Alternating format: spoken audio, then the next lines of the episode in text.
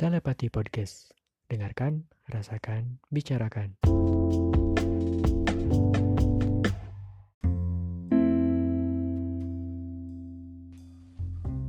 Jadi gini loh. Sebenarnya aku udah pengen banget keluar dari zona ini. Tapi kamu tahu nggak? Kalau semisal aku naik mobil, aku bayangin lagi parkir. Dan mobil aku itu ada di barisan paling belakang. Dan ada satu mobil di depan aku dan yang punyanya belum ada. Mau aku dorong sekuat tenaga biar mobil itu maju, pindah, dan aku bisa keluar. Atau aku mundur dan ternyata ada tembok yang halangin jalan aku.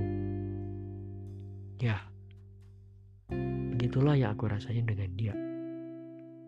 Aku mau mundur, tapi perasaanku menggebu-gebu. Sekalipun aku tabrak, aku takut ada yang terluka di antara kita. Jujurlah, hei, kita itu cuma teman.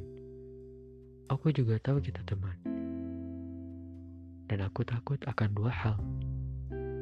Pertama takut perasaanku terluka, dan kedua takut pertemanan kita tidak bisa seperti sedia kala. Untuk sekarang aku belum bisa, belum siap. Jika pertemanan kita harus berakhir dengan hanya karena mengikuti sebuah rasa yang percuma. Dan sebenarnya hatiku ini terbuka.